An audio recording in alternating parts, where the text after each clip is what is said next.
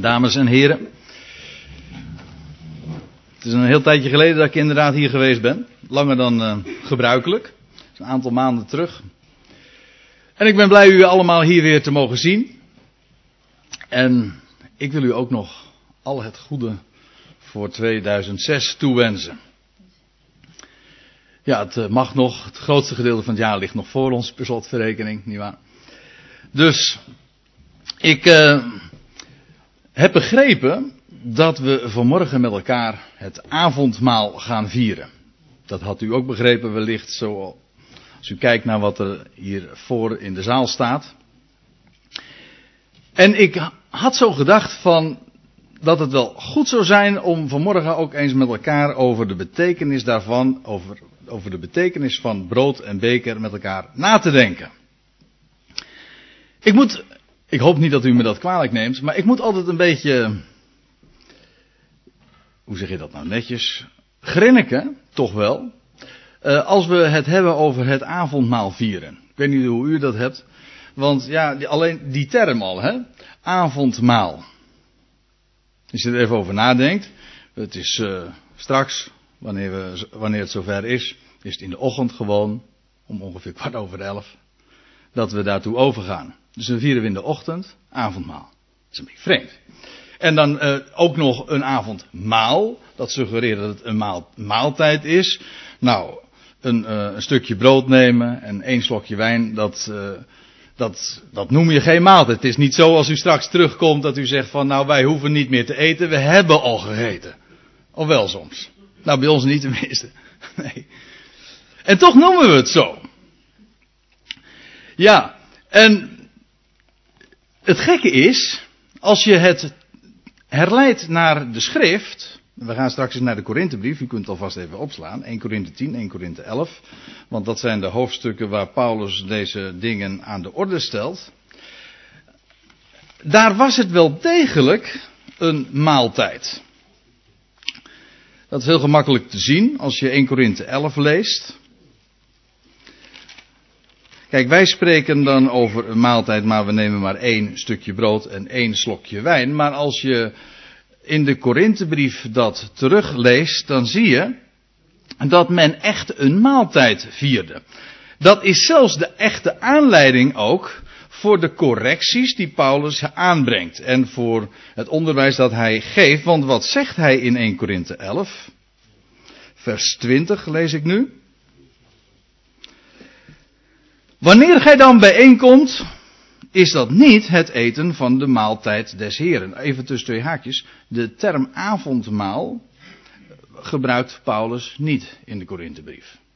Wel de term maaltijd des Heren. Maar hij zegt, wat jullie doen, dat is niet het eten van de maaltijd des Heren. Eigenlijk staat er niet uh, de heerlijke maaltijd. Dat wil zeggen de maaltijd van, ja, van de Heer. De maaltijd die uh, gekenmerkt wordt en gestempeld en gekarakteriseerd wordt door de Heer. Hij zegt, uh, als jullie bij elkaar komen is dat niet het eten van de maaltijd des Heren. Want, zegt hij, bij het eten neemt een ieder vooraf zijn eigen deel. Als u de klemtoon goed voorlegt bij het voorlezen, dan krijg je dus dit. Wanneer gij dan bijeenkomt, is dat niet het eten van de maaltijd des Heren. Want bij het eten neemt ieder zijn eigen deel. Zodat de een hongerig is en de ander dronken. Zo ging dat daar in de gemeente van Korinthe. Waaruit al blijkt dat, dat het dus een complete maaltijd was. Echt een maaltijd. En er werd volop gegeten en er werd volop gedronken. En daar waren wantoestanden, want de een was dronken en de ander was daarentegen nog hongerig. Grote sociale of maatschappelijke verschillen uh, accentueerden dat alleen nog maar.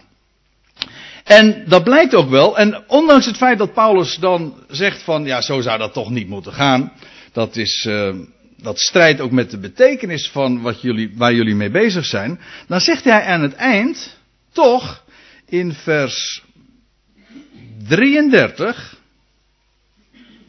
nadat hij die correcties heeft aangebracht, ik kom daar straks op terug, maar dan zegt hij in vers 33, daarom mijn broeders, als gij samenkomt om te eten, hij zegt niet jullie moeten samenkomen om te eten, maar als gij dan samenkomt om te eten, nou, wacht dan op elkaar.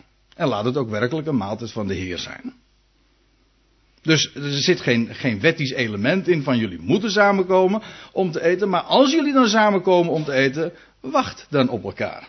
Dus Paulus laat dat karakter van maaltijd gewoon intact. Daar, daar doet hij niets van af. En dan die tussenliggende zinnen die ik nu even overgeslagen heb voor het gemak. Daarin geeft Paulus uh, het een en ander aan onderwijs over de betekenis van die maaltijd des Heren. Want het is natuurlijk niet voor niks dat we het avondmaal noemen. Dat is niet terecht, maar het is niet voor niks. Kijk, het herinnert namelijk aan een avondmaal. Dat is wat Paulus zegt in 1 Korinthe 11 vers Welk vers is het? Ja, nou vers 23 al. Want dan zegt hij, want zelf heb ik bij overlevering van de Here ontvangen. Stop. Hm. Want, dat woordje bij overlevering, dat zou je door moeten krassen, dat staat er niet. Dat wil zeggen in de grondtekst. Dat heeft Paulus niet zo opgeschreven. En als u een statenvertaling hebt, dan, zult, dan ontbreekt het ook. Volkomen terecht. Paulus zegt niet, ik heb bij overlevering van de Here ontvangen. Bij traditie. Of omdat het me verteld is door anderen. Nee, hij zegt, want zelf heb ik van de Heer ontvangen. Dat wil zeggen, het was hen door de Heer hoogstpersoonlijk verteld en duidelijk gemaakt. En dan zegt hij, wat, want zelf heb ik uh, van de Heere ontvangen wat ik u weder overgegeven heb. Namelijk dat de Heere Jezus in de nacht waarin hij werd overgeleverd, een brood nam, de dankzegging uitsprak, het brak en zeide, dit is mijn lichaam voor u. Doe dit tot mijn gedachtenis. Trouwens, ik heb nou net even correctie aangebracht op de MBG-vertaling, maar nou moet ik het op de Statenvertaling ook doen. En dan zijn we weer een beetje in evenwicht, hè. Want wat in de Statenvertaling staat het hier verkeerd. Daar zegt hij, eh, in de Statenvertaling staat uh, in vers ja, aan het einde van vers 24. Dit is mijn lichaam voor u gebroken. Doe dit tot mijn gedachtenis. Nou, dat voor u gebroken, dat is een beetje een ingewikkelde kwestie. Ik zal u het hele verhaal besparen. Het heeft niet zozeer met vertalen als wel met handschriften te maken. Maar dat staat er niet. In de oudste handschriften, in de meerderheid van de handschriften staat gewoon, dit is mijn lichaam voor u. Niet gebroken. Dat lichaam van de Heer is namelijk niet gebroken. In geen enkel opzicht. Eh, hoe je het lichaam van Christus ook opvat, als je het opvat als het lichaam dat hij ooit gaf aan het kruis van Golgotha, daarvan moet je zeggen, het, hij gaf het inderdaad, hij gaf het, het werd overgegeven in de dood, maar het werd niet verbroken. Sterker nog, dat wordt juist heel erg benadrukt, met name in het Johannesevangelie. Dan wordt het zelfs ook nog aangehaald. En van het paaslam lees je ook dat geen been daarvan gebroken mocht worden. En dan lees je ook bij de andere medegekruisigden, die werden, daarvan werden de beenderen gebroken, maar bij de Heer Jezus niet. Opdat vervuld zou worden dat geen been van hem gebroken zou worden. Zijn lichaam werd niet verbroken. En als u zegt van, ja, maar het gaat ook niet over het lichaam dat hij gaf op Golgotha, en dan hebt u gelijk, maar het gaat over het lichaam van Christus, waartoe wij uh, tezamen waar, uh, geroepen zijn en waar wij als, als gemeente deel van uitmaken. Sterker nog, de gemeente is het lichaam van Christus. Als u zegt van daar gaat het over, dan zeg ik daar hebt u helemaal gelijk aan. Maar dan zeg ik des te sterker, dat is niet gebroken. Integendeel, dat is één. U zegt dat zie ik niet. Nee, maar daar hadden we het toch ook niet over. Je ziet het lichaam van Christus als de gemeente, de eenheid van de gemeente zien we niet. Dat is een feit. Dat is een geestelijk feit, dat geloven wij. En dat de kerken verdeeld zijn, dat is een heel ander verhaal. Maar wie zegt dat die er hadden moeten zijn? Hm? Er is maar één gemeente. Ik geloof, en dat staat ook in de geloofsbeleidenis, en ik zeg daar van harte aan op. Ik geloof één heilige, algemene, christelijke kerk. Dat is het. Het lichaam van Christus. Die, dat vormt een eenheid. Dus die, dat lichaam is in geen enkel opzicht, hoe je het ook opvat, is gebroken. Het is een eenheid. Maar nou ga ik nog eventjes verder voorlezen, want ik, uh, dit is een toelichting op een, uh, op die eh, foute weergave in de Statenvertaling. Want in vers 24, dit is mijn lichaam, einde van vers 24, dit is mijn lichaam voor u. Doe dit tot mijn gedachtenis. Doe dit om aan mij te denken. Evenzo ook de beker nadat de maaltijd afgelopen was. En hij zeide, deze beker is het nieuwe verbond in mijn bloed. Dat nieuwe verbond, dat trouwens al aangekondigd was ooit door de profeet Jeremia, dat nieuwe verbond dat gesloten zou worden met het huis van Israël en met het huis van Juda. Wel, de Heer Jezus heeft de grondslag daarvan gelegd. Toen hij stierf, toen hij gestorven was en toen hij vooral, dat moet ik zo moet het zeggen, toen hij opstond uit de doden. Want laat ik u dan nog eens wat vertellen. Dat bloed, hè. Dat bloed, dat wordt altijd geassocieerd met de dood. Eigenlijk is het zo uh, dat avondmaal, zoals het altijd gevierd wordt en uitgelegd wordt, is heel doods. Ja, dat meen ik zoals ik het zeg. Dat merk je ook aan de wijze waarop het altijd beleefd wordt. Dat merk je ook aan de gezichten die je ziet en, eh, heel strak allemaal. Het is een begrafenismaaltijd. Het gaat allemaal om de dood. U zegt, ja, maar dat staat toch ook in de Bijbel? Verkondigt de dood des Heren. Ja, ja. Maar vergis u niet, er staat niet, we verkondigen het sterven van de Heer, we verkondigen zijn dood. En dan zeg ik erbij, wij verkondigen in brood en beker de dood des Heren. Dat wil zeggen, de dood van Hem die door zijn opstanding uit de doden tot Heer en Christus is gemaakt.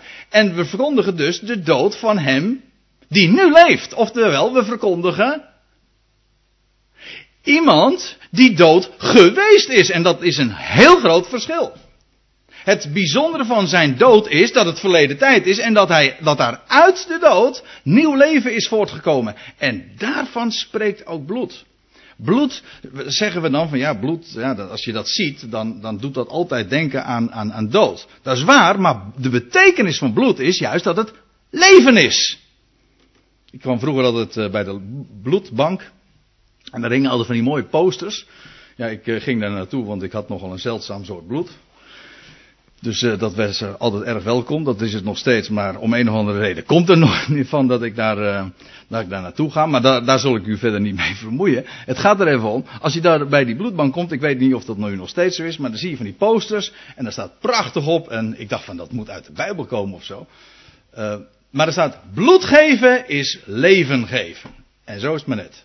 Want daar spreekt bloed van. Bloed spreekt van leven. Inderdaad, het spreekt ook over dood. Want als je bloed ziet, dan is het over het algemeen omdat er sprake is van een slachtoffer.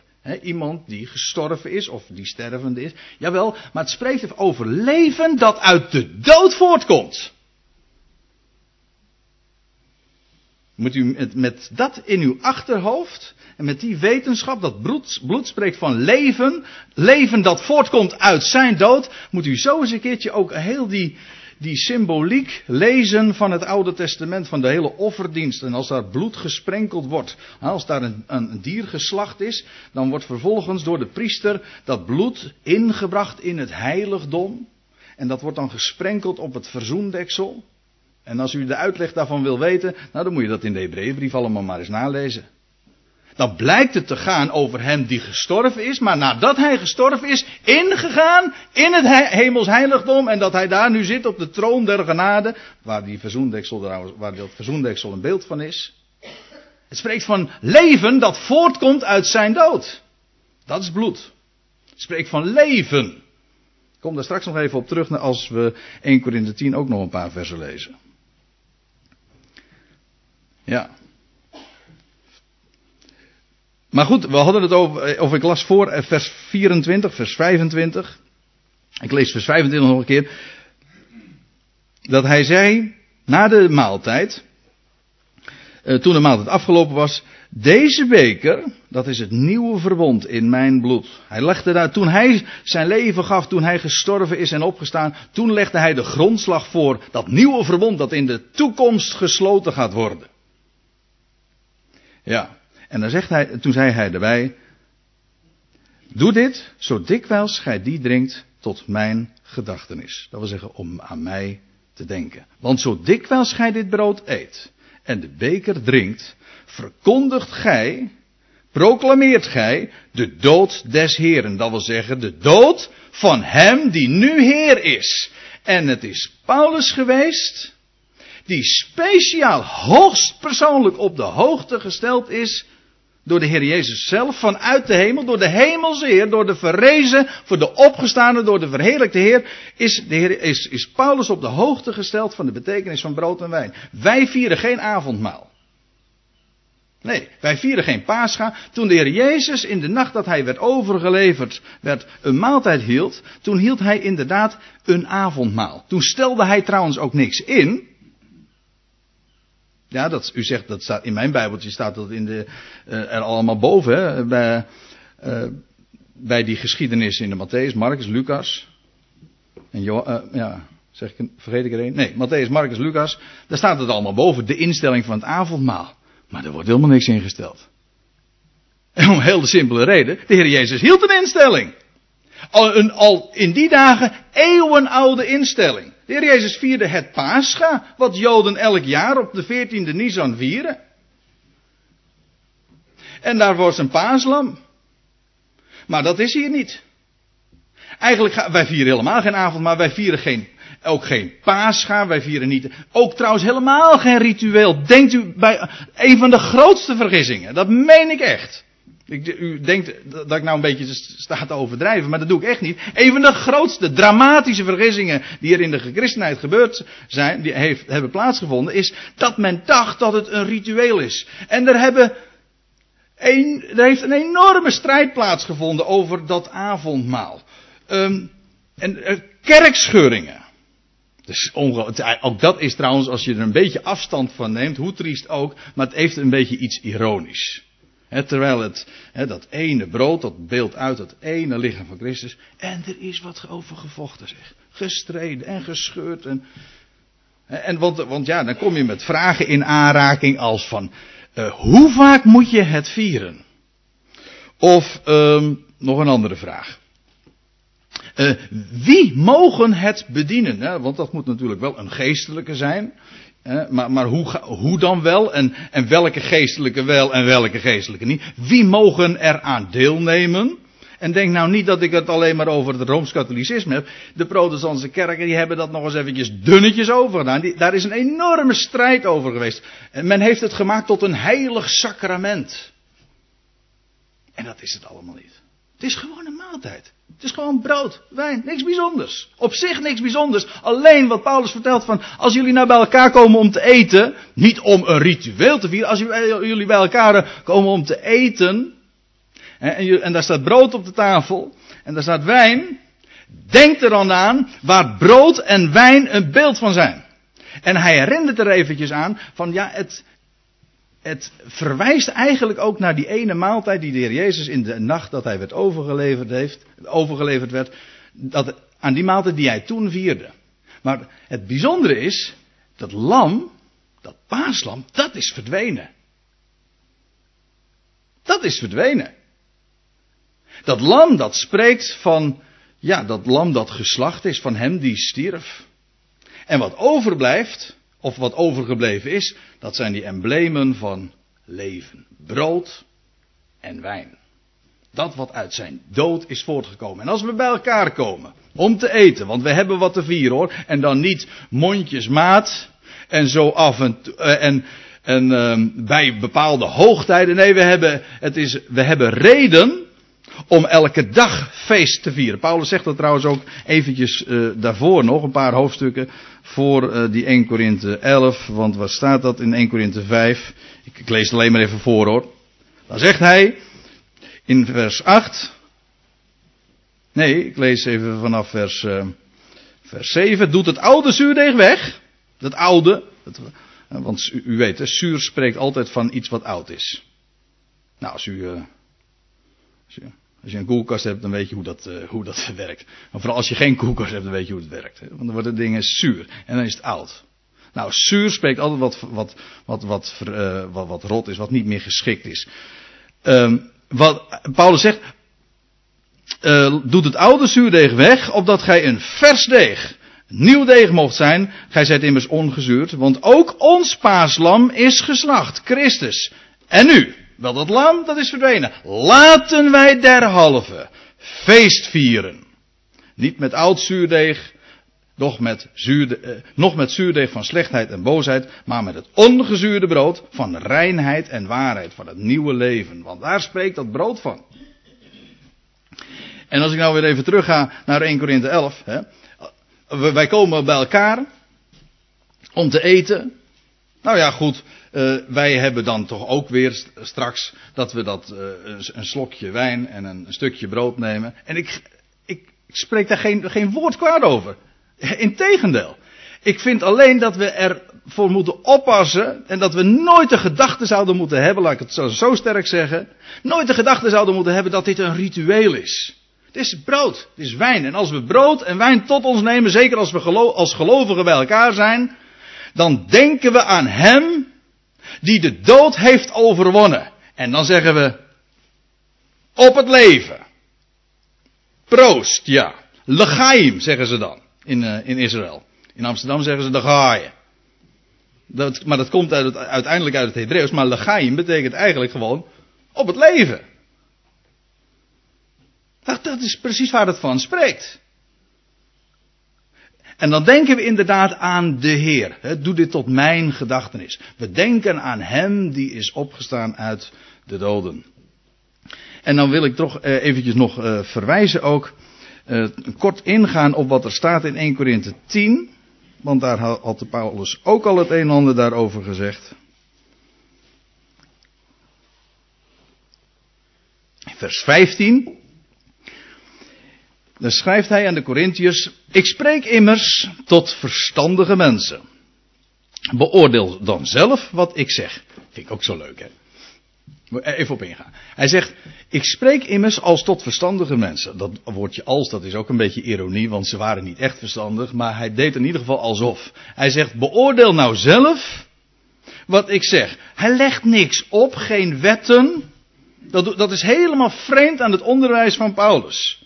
Men heeft er al wel allerlei wetten uit Paulus' uh, onderwijs willen destilleren, maar als je dat doet, dan heb je niets begrepen van wat hij nu juist vertelt.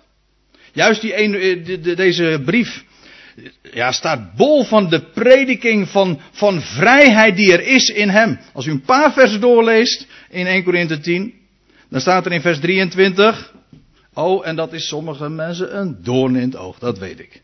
Maar daar staat, alles is geoorloofd. Dat is de vrijheid waarin wij leven in Christus. En Paulus zegt erbij, maar niet alles is nuttig. Kijk, wij hebben maar één vraag. Voor, is, voor ons als gelovigen in de Heer Jezus Christus is er maar één ding uh, zinvol om te vragen. Dat is niet, mag het? Want dan zijn, we, dan zijn we gauw klaar. Want Paulus zegt, alles is geoorloofd. Er is maar één vraag zinvol en dat is, is nuttig? Bouwt het op? Is het tot zijn eer? Dient het de ander? Is het tot welzijn van de ander? Dat zijn zinvolle vragen. En er zijn bosjes mensen, er zijn hele kerkgemeenschappen die eigenlijk voortdurend altijd maar bezig zijn met de vraag van mag het nou wel of mag het nou niet? En ze komen aan die andere vraag dus nooit toe. Dan heb je dus feitelijk niets begrepen van de vrijheid en van de verlossing die de Heer Jezus Christus tot stand gebracht heeft en waarin wij mogen leven.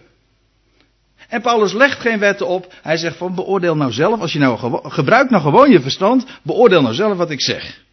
En dan lees ik weer even verder. 1 Korinthe 10 vers, wat is het? Vers 16. Is niet de beker van de dankzegging, waarover wij de dankzegging uitspreken, een gemeenschap met het bloed van Christus? Ja, ik zei al, dat bloed van Christus, dat spreekt van het leven dat uit zijn dood is voortgekomen. En dan begrijp je ook waarom er in die beker wijn zit. Wijn is in de Bijbel, maar niet alleen in de Bijbel, wijn is per definitie een embleem van vreugde.